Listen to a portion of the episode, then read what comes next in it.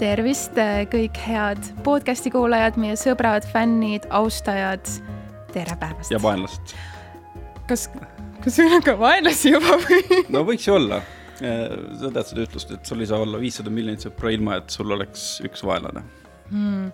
samas see vist on ka päris hea, et kui sul on vaata vaenlased, siis või keegi, kellele sa käid närvidele, siis järelikult sa vist, sul läheb hästi. jah, järelikult sa ei ole ümar nagu ratas oo, shots fired, kohe alguses juba. üldse Jüri Ratast mm. -hmm. räägime täna sellest, et, et septembris ei ole ilus juua. huvitav, tegelikult minul on tekkinud küsimus, et miks just september, miks ei võiks olla mingi suvaline, mingi muu kuu, miks see just september on? Äh, ma ei oskagi öelda, aga ma kujutan ette, et sellel on ikkagi mingi põhjus ja mitmendat aastat juba just september tuuakse välja. kusjuures vist sel aastal on vähemalt niimoodi, et paralleelselt ei ole seda kampaaniat, et septembris ei joo ja siis joome poole vähem või siis võtame vett vahele. minu meelest ükskord läks niimoodi, nagu samal ajal olid ka, et siis oli segadust veel päris palju no, segadus siis, et kas ma nüüd joon poole vähem või ei joo üldse või? et kas jood poole vähem või võtad vett vahele või ei joo üldse, jah. Brit, kuidas sul on suhted alkoholismiga? alkoholismiga või? Äh, no ütleme nii, et äh, no ma olen ilmselt seda minu arust siin varem ka öelnud, aga kas mulle meeldib alkoholi juua? jaa. kas mulle meeldivad mingid kokteilid, klaas veini, klaas äh, Proseccot? absoluutselt.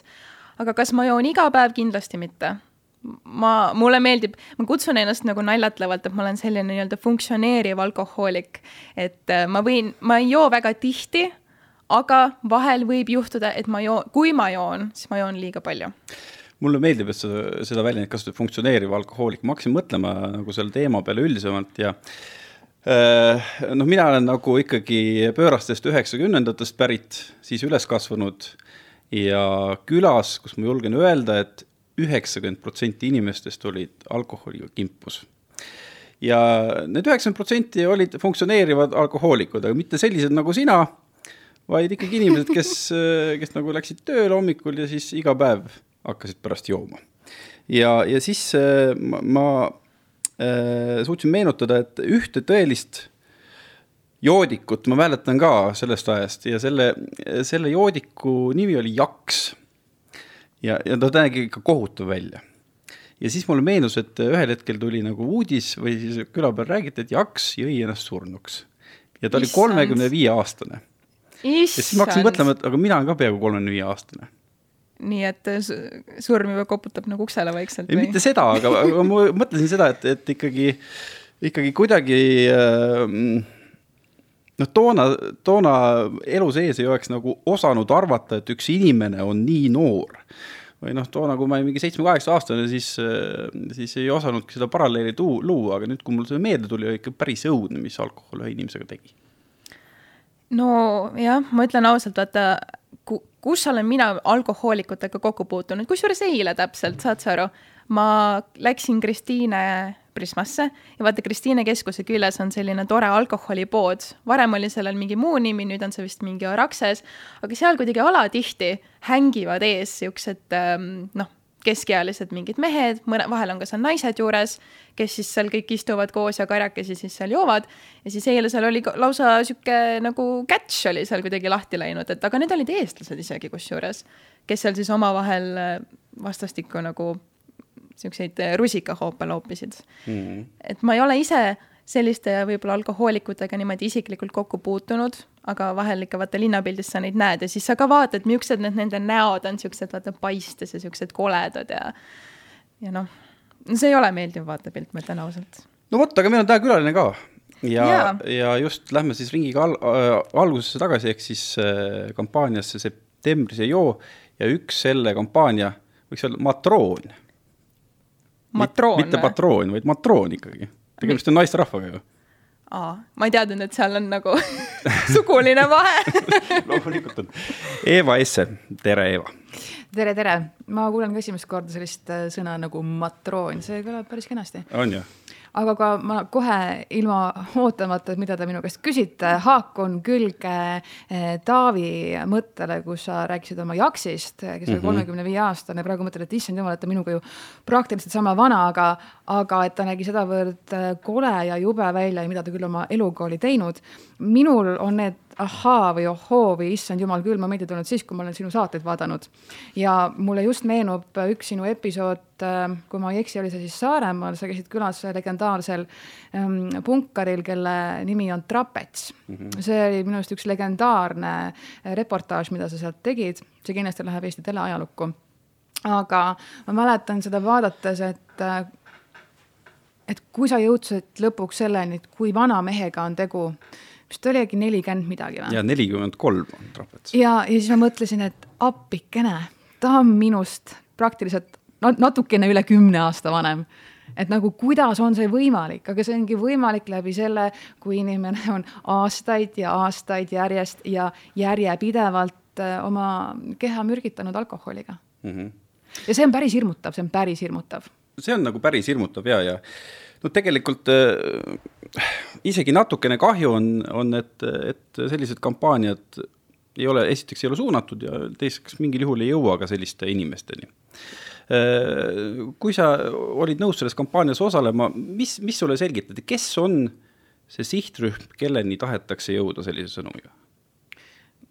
väga hea küsimus, äh, vastus on ka väga aus, et ega väga ei selgitatudki et äh, selline kampaania, kas sa oled äh, nõus tulema äh, selle, selle näoks, sa oled selline sportlik noor naine, kindlasti eeskujuks, aga no eks ma võtsin omajagu mõtlemisaega, sellepärast et, et see on hästi suur ühiskondlik vastutus tegelikult olla sellise kampaania nägu ja muidugi on hästi lihtne kõikidel tulla kuidagi mingisuguseid toredaid kommentaare tegema selle kohta, et või siis pakkuma head ja paremat nii-öelda, et nagu hakata surkima sellega.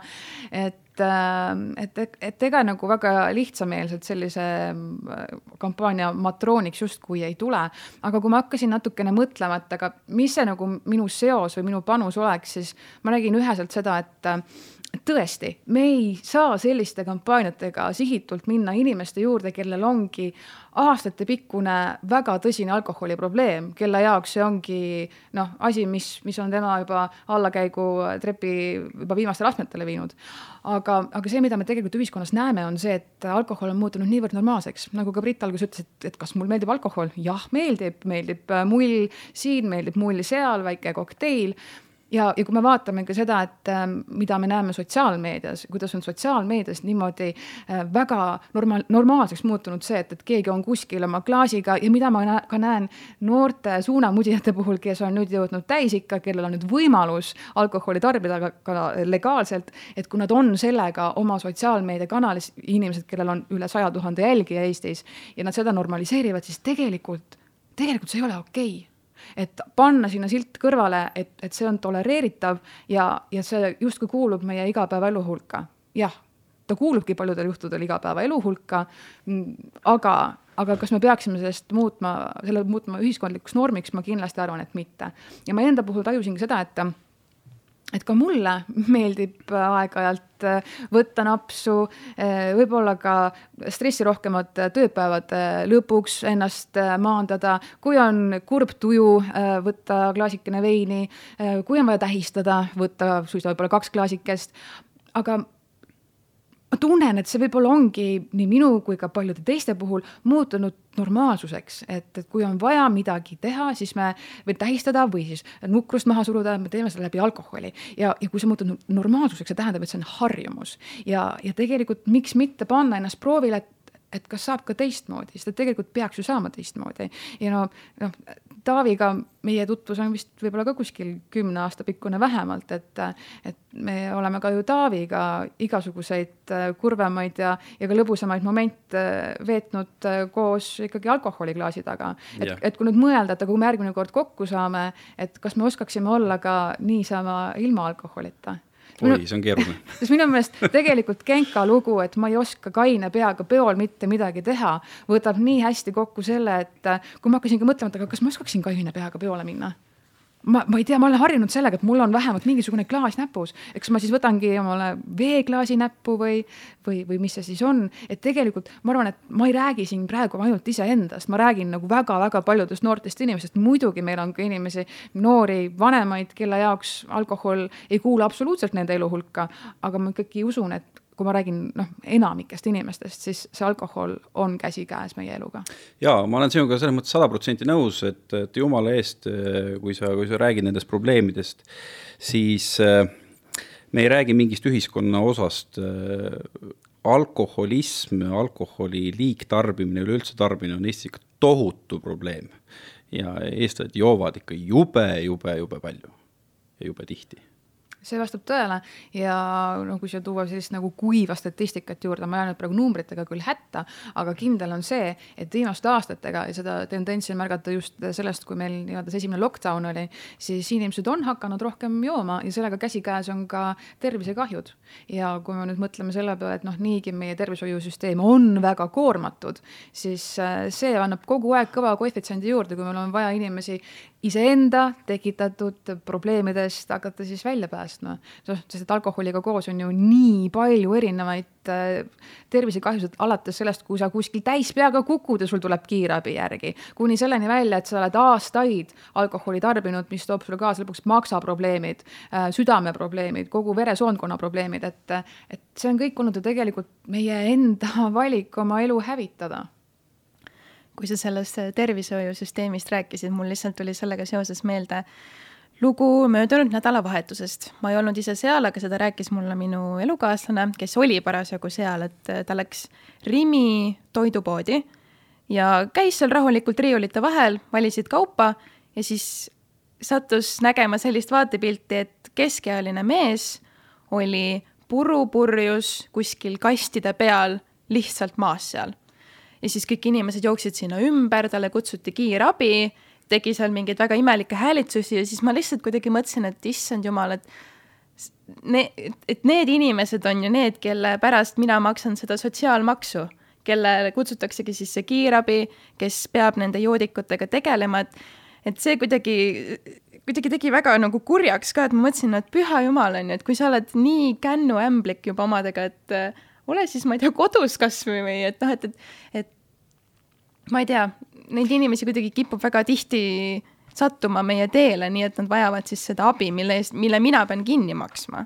no täna hommikul Raadio kahe hommikuprogrammis oli külas Tallinna kiirabi üks äh, töötaja, väga värvikerevalt, väga hästi rääkis äh, kiirabi igapäevatööst ja mida ta välja tõi, oli see, et enamik väljakutseid on seotud alkoholi liigtarbimisega ja see ongi no tõesti kukalt kratsima panev, käsi laiutama panev olukord, et, et kui meil on inimesed, kellel on tõesti vaja seda abi, aga siis meil on vaja kedagi turgutada, sellepärast et noh, tõesti ei, ei võta jalgu alla, sest et ta on lihtsalt ennast pahupidi joonud. et noh, mis need prioriteedid siis lõpuks on mm? -hmm. Mm -hmm.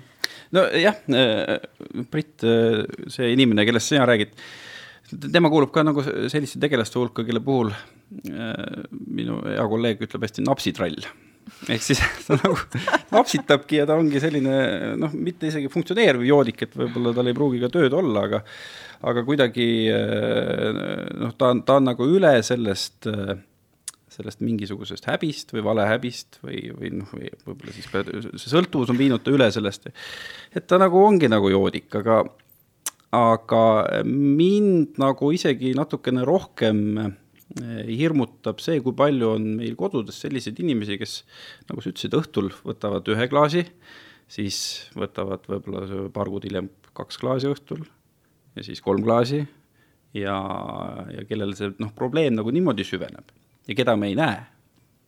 mul on tegelikult üks väga hea sõber, eh, kelle, kelle kohta ma kahjuks pean ütlema, et, et ta on alkohoolik ja tänaseks päevaks hetkel taaskord õnneks on tegu kaine alkohoolikuga, ehk et ta, noh, tal käivad ka nii-öelda need ärakukkumismomendid ja siis äh, on jällegi see moment, et teda väga pikaks ajaks kätte ei saa, et noh, tema peale ei saa loota, kaob ära see usaldus, no mis on alati ju alkohoolikute väga suur probleem ehm, nende lähiringi inimestega, et sul noh, inimsuhted kaovad ära, sest et sa tekitad nii palju probleeme eh, oma, oma käitumisega ja mida ma tahan öelda, on see, et, et aga temal hakkas sellest täpselt samamoodi kodus äh, õhtul oma õhtusöögi kõrvale klaasike veini, vallab ka naisele klaasikese, aga kuna naine ei soovinud, jõi ka siis naise klaasikese ära.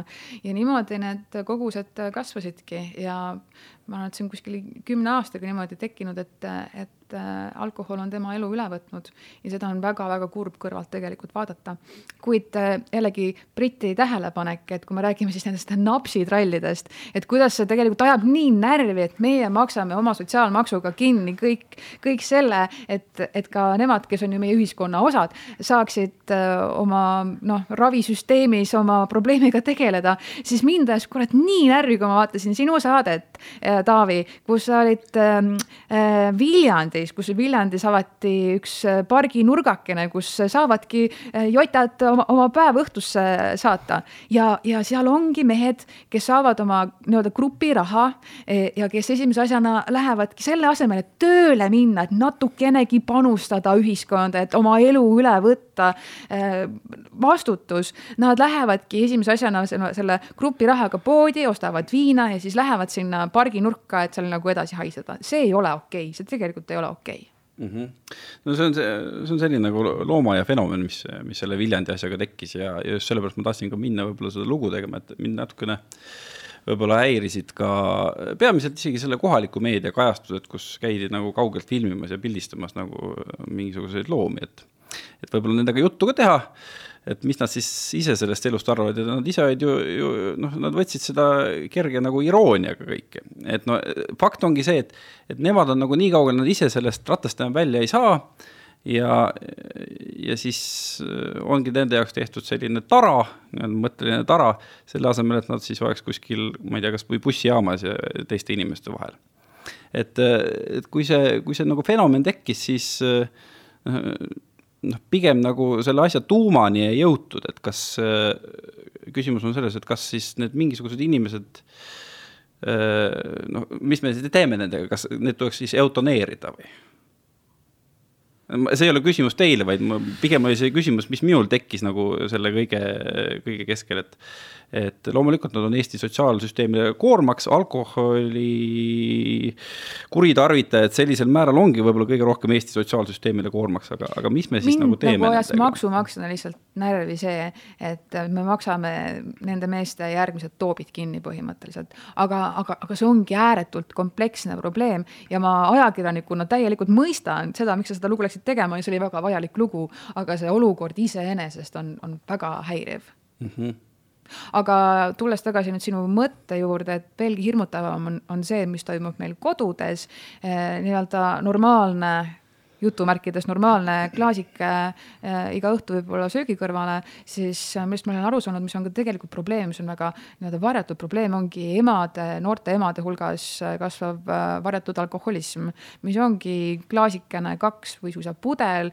õhtu lõpetuseks, et kui sul ongi väga intensiivne päev selja taga, et siis sa võtadki oma nurgad maha sellega. aga kui sellest kasvab tõesti harjumus ja, ja ka kogused kasvavad ja sul tekib sedavõrd suur sõltuvus, et sa ka ei oska enam hilja eh, ilma selleta, siis, siis on juba probleem, millega peaks tegelema, aga teine asi on ka see, et, et, et inimene jõuaks arusaamani, et see on probleem mm. -hmm, seda küll ja teiseks mulle tundub, et äh, just nagu selle alkoholi kuritarvitamise puhul meil ikkagi valitseb selline sooline ebavõrdsus praegusel hetkel veel, et kui kui mees tarvitab alkoholi, okei okay,, ja kui ta kuritarvitab, siis me nagu peaks teda aitama, kui naine kuritarvitab, siis on kurat, see, see naine ei ole nagu õige naine, on ju. et äh, ma kujutan ette, et nendel, nendel naisterahvastel ongi nagu keerulisem selle probleemiga välja tulla. kindlasti. ja ma olen ka vähel, väga palju täheldanud seda, et kuidagi naisi kiputakse kiiremini vist äkki hukka mõistma, et a la ongi, et noh, et, et aa, et issand, et eh, noh, et, et mingi tüdruk, kui keegi on siis ennast, eks ju, täis joonud kuskil, et ongi, kohe vaadatakse, et issand jumal, on ju, et sa oled nagu mingi noor naine ja mis mõttes sa jood siin nagu, eks ju, mingi noh, nagu siis võrreldakse mingite võib-olla selliste parmade joodikute keskealiste meestega, aga samas kui nagu mehed lähevad kuidagi alkoholiga liiale, siis on siuke, aa noh, mis seal ikka siis nagu ongi. meeste värk. no jah, täpselt on ju, aga et kas see on okei okay, või? Sest, sest et minu arust äh, mingi aeg tuli statistika või keegi kuskil väitis, et tegelikult alkoholismi on isegi naiste hulgas mõnevõrra rohkem. just sellega, et tegelikult naised joovad samamoodi väga tihti ja ikkagi kohati väga palju, aga võib-olla vaata naised äh, kunagi ammu ühes vaata podcast'is sa ka rääkisid, et naised ei, võib-olla ei kakerda päris niimoodi nagu tänavatel vaata ringi, lihtsalt mehi nagu näeb rohkem, naised joovad nagu kodus mm. -hmm ilmselt nii on jah nagu mul on nagu lihtsalt tekib see küsimus, et kuidas, kuidas me nagu isegi no ma ei tea, ilmselt vaata, see ongi see, et nagu Eva enne ütles, et see kampaania enam neid inimesi, kellel alkoholism on tõsine probleem, ei päästa. mulle tundub, et see kampaania võib-olla ongi pigem äkki siis, ma ei tea, selline väike wake-up call või selline refresh inimestele, kes ähm, ma ei tea, kes siis võib-olla igapäevaselt ei teadvusta endale, kui palju nad päriselt joovad, aga et noh, tõesti ongi niisugune, et okei okay,, tee siis kuuajane paus ja noh, vaata, mis siis saab, on ju kuigi ma ütlen, no ma ei ole ise mitte kunagi seda kainet septembrit teinud, aga mul on olnud paar lähedast, kes on seda teinud ja nemad ütlesid, et ah, et mis asja, kuu aega, et ma ei täheldanud mitte ühtegi muudatust. millal te olete viimati kuu aega ilma alkoholita? mäletate üldse äh,? vot, no minul on niimoodi, et ma nagu oh, alkoholi tarbimine ei ole minu jaoks nagu nii oluline sündmus, et ma võin äh, teinekord tarbida mitmel õhtul järjest ja teinekord tekib mingisugune paus, täitsa juhuslikult võib tekkida paus, mis venibki, ma kujutan ette, see kuu pooleteise pikkuseks, ma ei kujuta ette, jah. millal see võis olla, ilmselt see oli mingil ajal, väga võimalik, et isegi sel aastal oli. Brit, ma arvan, et mul oli siis, kui ma olin hmm. lasteaias alaealine, alaealisena ma ei joonud mitte ühtegi tilka alkoholi ma olin äh, selles suhtes väga kohusetundlik laps, et kuna mingi.... oot, oot, oot, alaealisena sa ei joonud ühtegi tilka alkoholi? sa jõid esimest korda alkoholi siis, kui sa olid täisealine, kui sa olid kaheksateist? Põhim jõudnud... põhimõtteliselt küll, jah. no ma arvan, et tead ilmselt tuleks ERM-i viia ja seina peale panna ainueksemplar Eestis. ei, ma arvan, et tead, kui ma olin ilmselt seitseteist juba sinna kaheksateistkümnele lähenemas, no siis ikka juba vanemad vaata sünnipäeval pakkusid, no võta tead see klaas mulli ja no ei ole midagi, onju. aga lihtsalt kuidagi mind alati kasvatati nii, et äh, sa oled ikkagi alaealine, seadus ei luba sul alkoholi juua praegu ja siis ma ka ei teinud seda. väga hästi kasvatatud laps ja ma, ma ei tea, mis sealt kõik valesti läks edasi peale seda lihtsalt aga võib-olla, võib-olla ma olen ise lihtsalt sellele tagantjärgi mõelnud, et võib-olla ka see, et ma olin niisugune tohutu puritaan ja ma olin hästi tubli, siis kui ma kaheksateist sain, siis kuidagi toimus mingi tohutu selline vabanemine või et noh, nüüd ma võin, vaata. ja siis see läkski kuidagi nooruspõlves vahel, vahel täitsa nagu ikkagi läkski liiale, sest vaata, ma olin kogu aeg hästi tagasihoidlik, ma kunagi ei joonud, noh, meil olid mingid klassireisid, kus äh, kõik mu klassikaaslased jõid ennast maani täis, keegi ööd ega mütsi aru ei saanud ja siis mina kantseldasin neid siis seal, sest ma olin ainuke kaine ja ma ei joonud. ja siis mulle teised ütlesid, et issand, sul on nii igav elu ja umbes, et mis sul viga on. ja siit ma jõuan oma järgmise punktini, mis on minu jaoks väga veider ja ma ei saa sellest aru, aga kui inimesed mõistavad hukka neid, kes ei tarbi alkoholi. et vaata, sa oled mingis seltskonnas ja siis äh, seal on näiteks keegi, kes äh, ütlebki, et aa, tead, et ma ei võta. ja siis kõik on kohe, et mis asja, kas sa oled rase või et mis sul viga on, et umbes, miks sa ei joo. kõik nagu ründavad kohe seda inimest ja siis ja siis mõned vaata tunnevad siis seda survet, et no okei okay,, no, no ma siis võtan jumala eest, on ju. aga tegelikult on ju see, et keegi ei peakski ju otseselt põhjendama seda või et no ei, no ei taha, no ei joo, ma ei tea, mis iganes. aga kuidagi ma ei, Eesti ühiskonnas ma olen hästi palju lihtsalt kuidagi täheldanud seda, et kui keegi ütleb seltskonnas, et tead, mina alkoholi ei joo, ei tarbi, siis kõik kohe vaatavad, et aga mis sul siis viga on? Jah, see on kuidagi nagu sees meil kõigil, ega ma ütlen, ega ma ei ole ka sellest patust puhas, et äh, mõnikord lähed sõbraga õhtul kuhugi Telliskivisse ja siis ta ütleb, et täna teeme ainult ühe joogi ja siis, ah, kuule, võtame need šotid ka ikka, kuule ja siis lõpetad kuus tundi hiljem. huvitav, kas see ei või olla tingitud näiteks niisugusest väiksest äh, süütundest, sest et äh, vaata, sina tunned, et kurat, et tahaks nagu veel vaata, aga su sõber on tubli ja korralik ja, tema ei võta. ja siis, hakkad nagu see... teda masseerima ära. ja, ja, ja täpselt, et, et sa ikka üksi... saaksid, on ju, üksi ei taha ka juua, eks ju ma ei teagi, see on lihtsalt on kuidagi nagu, ei ole isegi sellist süütunnet, vaid lihtsalt kuidagi on see, millegipärast on see meil sees. vot, ma ma ei kujuta ette, teiste asjade puhul ma nagu, ma nagu ei mõtle selle peale, et ma tahaks mingit lollust teha ja siis ütlen sõbrale, kuule, teeme ikka koos seda lollust või mis asja, nagu ikka, ikka teeme seda lollust. aga, aga alkoholiga tõesti millegipärast on see niimoodi sees. aga Eva, kui su küsimuse juurde tagasi tulla, ühesõnaga me oleme praegu salvest-, matushetkel jõudnud septembri keskpaika. september on sul kaine, eks? september on kaine, niimoodi plakatite pealt võib lugeda. aga enne, enne seda, kust, kust maalt me leiame sellise kuubikkuse kuivaperioodi um,? ma ütlen päris ausalt, et ega ma niimoodi ei oskagi öelda või ega ma ei mäleta, millal see niimoodi oleks olnud, sellepärast et mingisugune puritaan ei ole ma kunagi olnud. Minu esimesed äh, kokkupuuted alkoholiga olid kindlasti enne kaheksateistkümnendat eluaastat. mind ERM-i ei saa eksponaadiks panna äh, ja ma olen, ma olen kogu aeg selline let's go with the flow suhtumisega inimene olnud ja ja sellist nagu teadlikku alkoholiga pausi tegemist ei olegi minu elus siiani olnud. ja ähm, ütleme niimoodi, et äh, möödunud suvi oli üsna sündmusterohke. Sinna mahtusid erinevad festivalid, äh, peod, äh, kokkusaamised sõpradega, ähm, mitmed pulmad, kaasa arvatud mu enda pulm.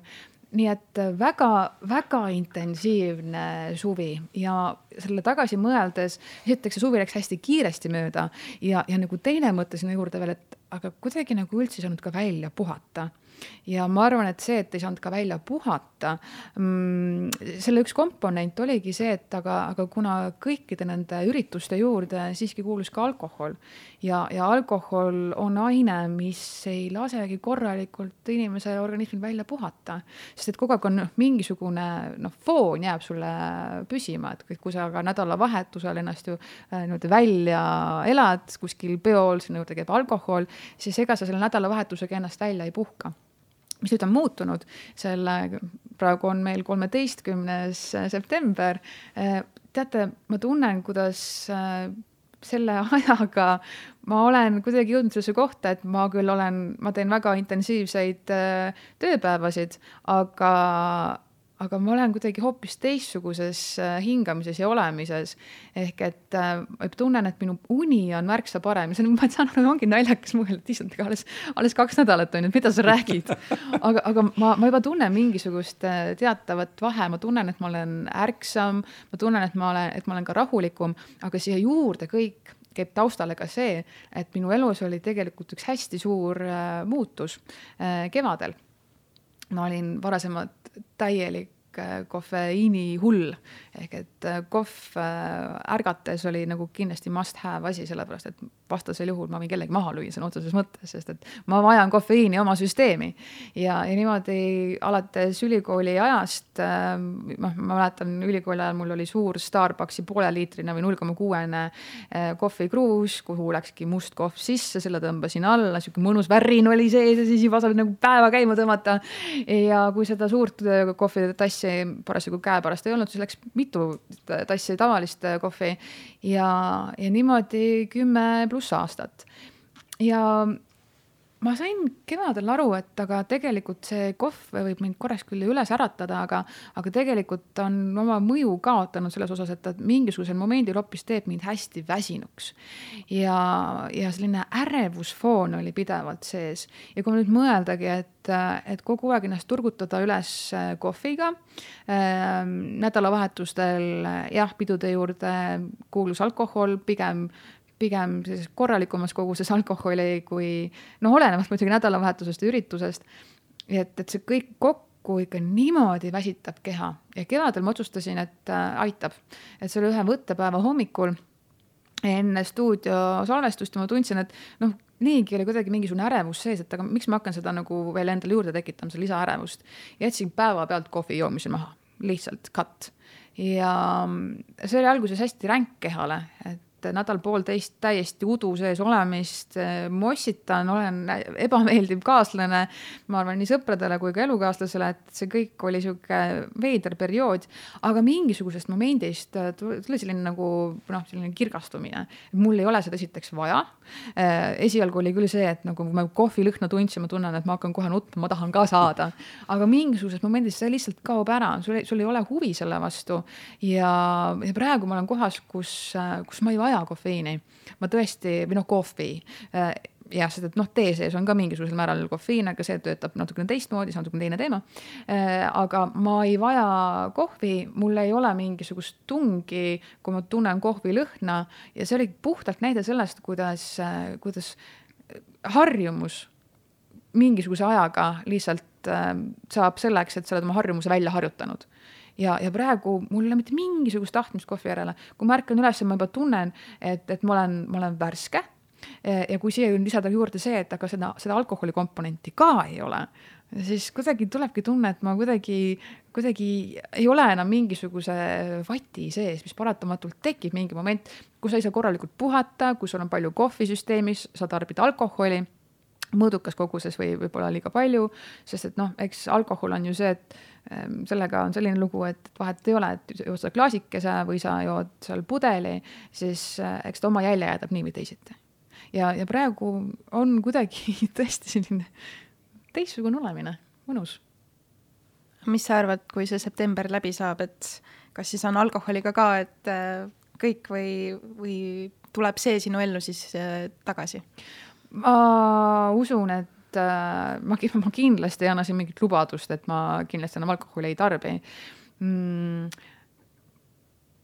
ma arvan, et ma kindlasti joon vähem ma vähemalt loodan selle peale, sest et äh, paratamatult ega alkoholi puhul on ka näha seda, et, et äh, ta on ju, kurat, ta on ju kalor.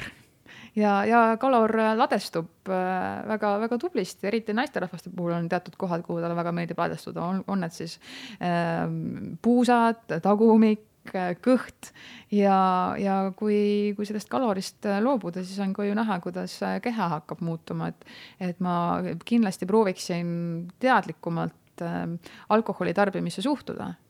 et minu jaoks tegelikult ka praegune see see kampaanias osalemine on, on ka mulle endale selline väga tore väljakutse, et aga vaadata, et, et kas saab teisiti.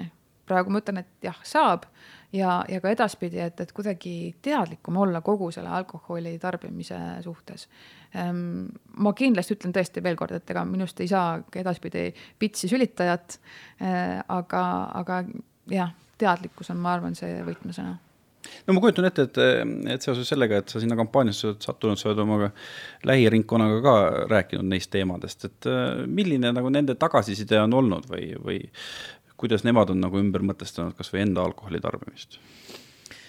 Äh, no minu parim sõbranna võttis äh, ka kuulda seda mõtet selle kogu kampaania taga ja on solidaarne ja proovib ka nüüd kuu, kuu aega ilma alkoholita olla. siiamaani äh,, tead, ma lihtsalt isegi ma mõtlen seda, et mis on minu jaoks nagu nii naljakas, et küsitakse, et noh, et okei okay,, et avalikus kohas ei joo, aga kodus ikka, eks ole.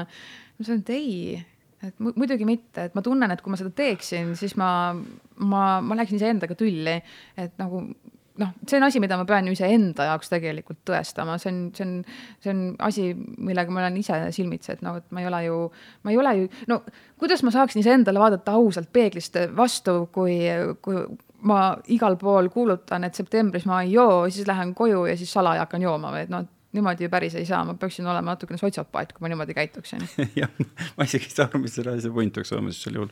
aga mis asi, keegi on sulle öelnud siis, et sa nagunii kodus jood või? ei, ei mitte seda, ma ütlen noh, tehtud nalja. Okay, okay. et, et noh, et kodus ikka ju vaikselt, aga ei um,. noh, mis, mis mu sõbrad, mis mu sõbrad, eks no nagu öeldud, parim sõbranna samuti on kampaaniaga niimoodi liitunud um, tead, ma ei ole oma sõpradega viimased kaks no. nädalat väga palju suhelnud, kui ma nüüd mõtlema hakkan. no aga näiteks eh, su kallis abikaasa, kes minu mälu järgi teeb väga maitsvaid kokteile kuidas tema hakkama saab siis selle septembrikuu? minu kallis abikaasa teeb mulle väga maitsvaid alkoholivabasid kokteile. aga ta ise ehm,? olen näinud teda õllepudeliga aga, aga eks tegelikult äh, muidugi ta, ta on igas asjas toetav ja, ja niimoodi ta ka proovib iseenda käitumist äh, ka muuta ja ma olen tegelikult avastanud, et alkoholivabade jookide valik on äh, väga suur ja, ja, ja väga maitsev kusjuures. olen mitut nii-öelda nullmulli proovinud ja ma olin täiesti veendunud, et see on selline magus, mõttetu mm, raha raiskamine mingisuguse limonaadi peale, aga ei, nagu kui, kui ma ei teaks, et seal sees oleks alkoholi, ma arvaksin, et see on tavaline Prosecco, nii et ma olen täitsa mm, täitsa üllatunud, kui hea kvaliteediga asju tehakse juba tänapäeval. ja mida ma ise olen enda jaoks avastanud, mis mulle väga meeldib, on kreip ja ma olen hakanud tegema sellist jooki nagu äh, kreibimahl mulliveega, kohutavalt hea nii et kui ma olengi seltskonda nüüd sattunud, siis see on minu alternatiiv olnud ja, ja kuidagi üldse ei karju alkoholi järele mm. -hmm no kui natuke võib-olla sellest alkoholi teemast nagu eemalduda, siis üks, üks põhjus, miks, miks need õhtused äh, tipsutamised või midagi muud sinna tuleb, on see on ju ikka see tohutu pinge, et äh, noh, tegelikult sina töötad ka valdkonnas, kus pinge on nagu päris suur.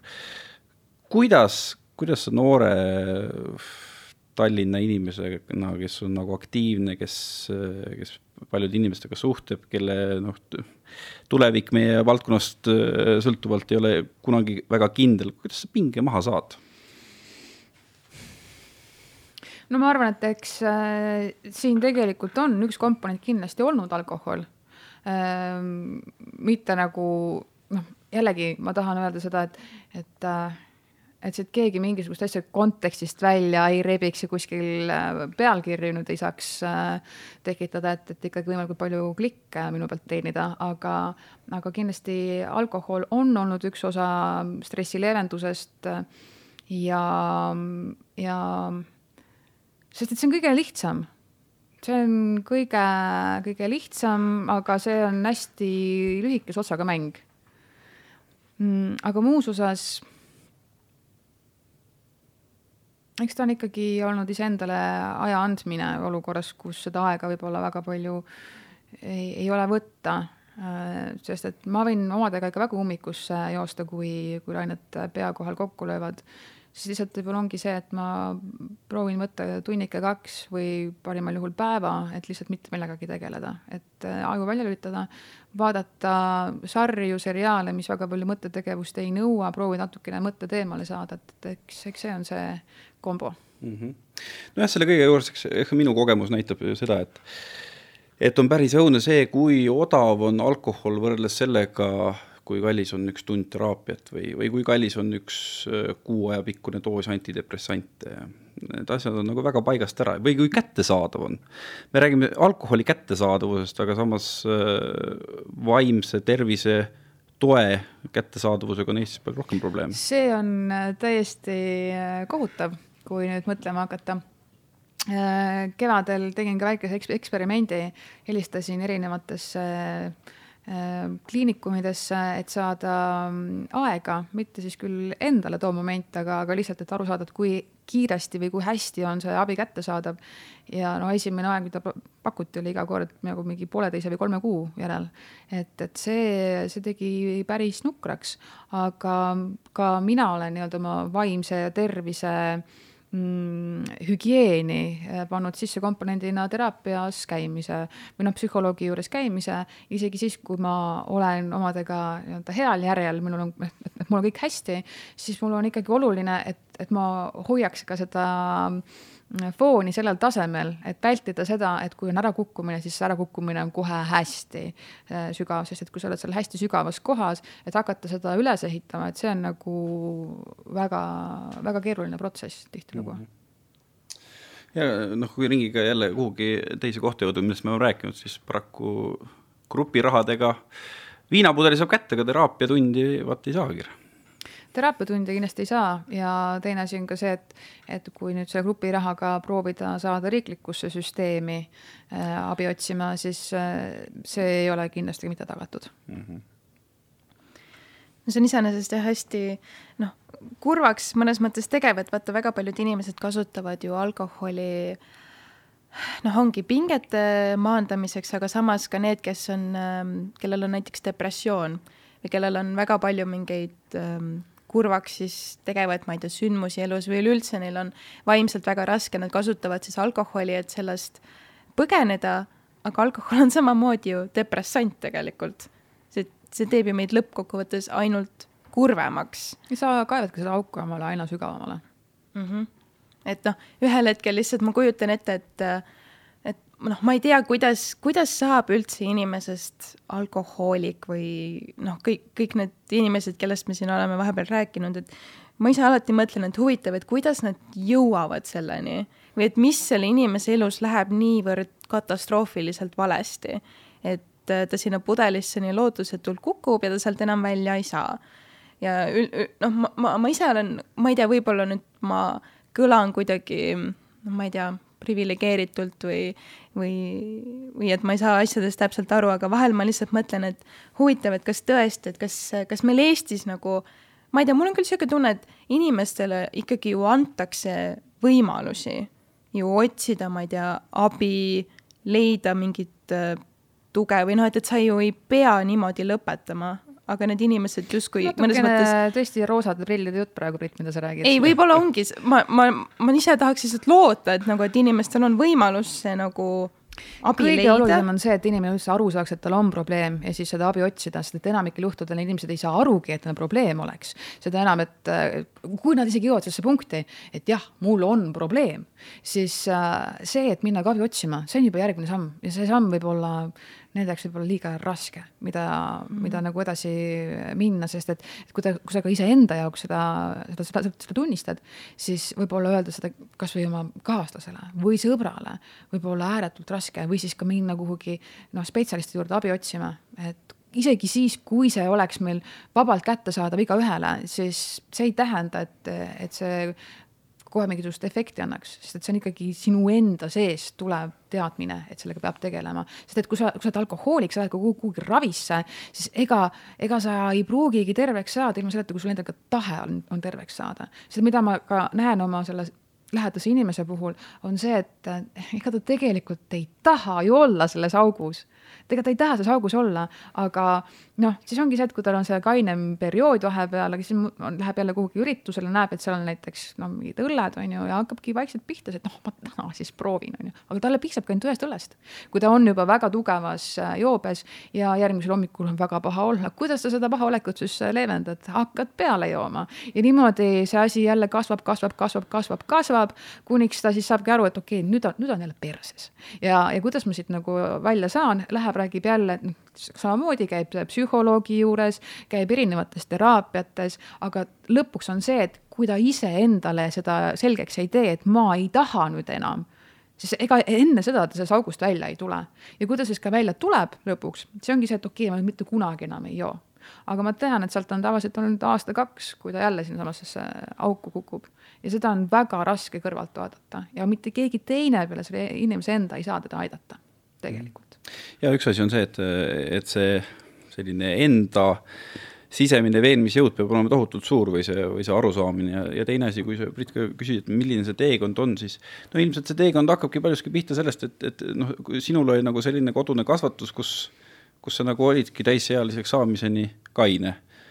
noh, äh, paljudel inimestel ilmselt seda ei ole ja ma olen kokku puutunud ka, ka ühe noh, väga tõsise alkohoolikuga kes, kes nagu ühel hetkel sai aru, et need inimesed, kes on tema ümber, et need talle kuidagi kaasa ei aita. Ja siis ta tegi selle suure otsuse, ta läks, ta läks nagu teise Eesti otsa. aga kuna ta oli juba nagu alkohoolik, siis ta sealt ka ei leidnud ühtegi teist inimest, kui samasugused joodikud leidis ja, ja siis seesama trall läks samamoodi edasi, nii et. Nii et, et kui nagu enda sees on mingi nõrkus, siis ilmselt on ka küllaltki oluline, et millised inimesed su ümber on ei, ma saan sellest absoluutselt aru. Ja tegelikult väga palju algab ka kodust, vaata, millistes no, ting-, ei no ongi see, et millistes vaata tingimustes sa nagu üles kasvad ja millised on su pereliikmed. Mm -hmm. see on väga tugevalt geneetikas tegelikult sees, kui sul on see soodumus, siis noh, viskad sinna selle tiku, siis see võib tõesti väga suure leegiga põlema minna. ei pruugi, aga võib mul on samamoodi, tegelikult ma ei kujuta ette, kas Eestis on perekonda või suguvõsa, kus ei oleks alkohoolikut äh, inimest sees äh,. mul on väga hea meel, kui selliseid perekondasid leidub, aga minu teada või minu äh,, minu hinnangul neid ilmselt on väga vähe. ja ka, ka minu suguvõsas on see, ütleme, probleem läbi jooksnud ja see paratamatult paneb äh, ja paneb mõtlema ja küsima, et aga, aga kui, mis saab siis, kui mul on ka võib-olla selline võib-olla kalle sees, et kas on vaja seda, seda, seda riski võib-olla liiga reaalseks ajada. eks see ongi hästi keeruline, et, et kuna ma olen äh, sattunud ka oma elus sellisesse olukorda, et mul on hästi palju nagu kärgperendust, kus on hästi palju erinevaid arvamusi emade, isade, kasuisade, kasuemade vahel, siis see nii-öelda vanema äh, vanema vastutus selles, mis on tema õpetus, kui karm see on, kui palju on see vastuolus või kui palju see on nagu, nagu samas suunas teise poole või, või kasuvanemaga, siis see on, see on nii keeruline teema, et sinna labyrinti võib lihtsalt eksida ja raupuda kuhugi hoia. ma ei oska nagu selles mõttes midagi öelda ei, ega sa ei peagi. aga nagu ma ei tea, ma mõtlen, et äh, kui, kui äh, vahel tulevad ikka vaata need statistikad välja, et kus, äh, ma ei tea, Euroopa riikides ikka juuakse, ma ei tea, kõige rohkem on ju, siis kuidagi Eesti kipub seal esirinnas alati olema, et oh,. Eesti sugugi ei ole praegu esirinnas, Eesti on isegi vist teises kümnes, kui WHO statistikat vaadata. esi, esimesel kohal on Läti ja siin ongi see küsimus, et kas Läti on tõesti sedavõrd kõvasti hakanud absoluutalkoholi siis ta, noh, tarbima stat statistiliselt või siis on olnud eestlased ja soomlased väga tugevas abis mis siis nagu Eestis ei kajastu ega, ega ka Soomes. nojah, jah, see on see statistika on päris korralik vale, aga vaata, nende teemade puhul alati tuleb ju see ka et aga kuidas nad seal Lõuna-Euroopas ikka saavad niimoodi, et kõik need lapsed juba lasteaiast peale hakkavad toidu kõrvale veini jooma ja nemad ei ole üldse alkohoolikud, kuidas sa sellesse retoorikasse üleüldse suhtud nagu? see on hästi hea retoorika, mille taha pugeda, aga tegelikult ei vasta see absoluutselt tõele. sellepärast, et inimene on inimene ja alkoholikahju on alkoholikahju organismile. see, et tegu on kultuuriga, et seda juba väikesest lapsest kuni raugani tarbitakse, hinnatakse, eh, tähendab ka seda, et on tervisekahjud palju suuremad, sest nagu tänapäeval on ka meil terviseanalüüsi võimekus sedavõrd palju parem kui võib-olla kolmkümmend, nelikümmend aastat tagasi, kui neid äh, normaliseerivaid äh, nagu mõttelaade hakati ka meie ühiskonnas siin võib-olla süstima, et noh, et mis mõttes, et näed, et prantslased joovad hommikust õhtuni veini, pole midagi viga, et las ma võtan ka siis oma, ma ei tea, viina või, või õlut või mis iganes. tegelikult äh, see, et, et nemad joovad seal seda lahjemat alkoholi, aga koguseliselt ikka, koguses mõttes väga palju, väga tihti, ei tähenda, et kuidagi tervemad oleksid, vastupidi, et seal on samamoodi, on väga suureks probleemiks äh, maksahaigused, äh, südame-veresoonkonna haigused, et see on, see tegelikult on selline suur roheline, roheline, suur roosa mull.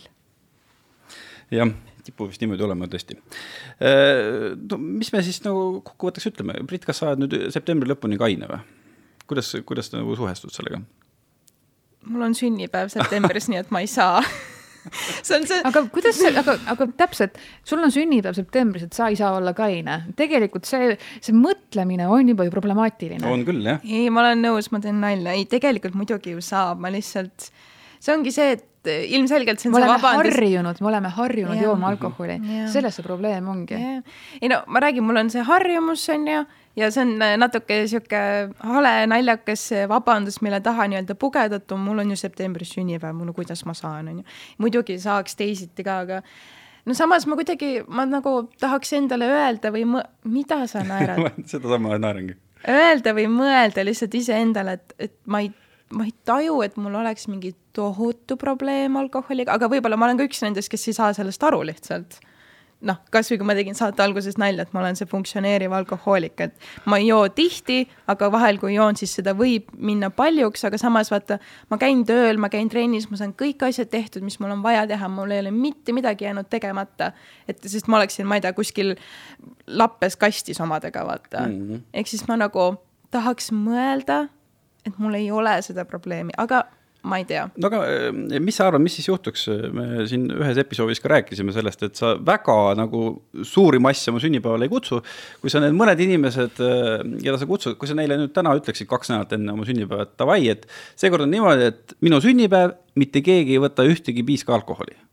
mis see tagasiside oleks, mis sa arvad hmm.? tahan üksinda siis oma sünnipäeval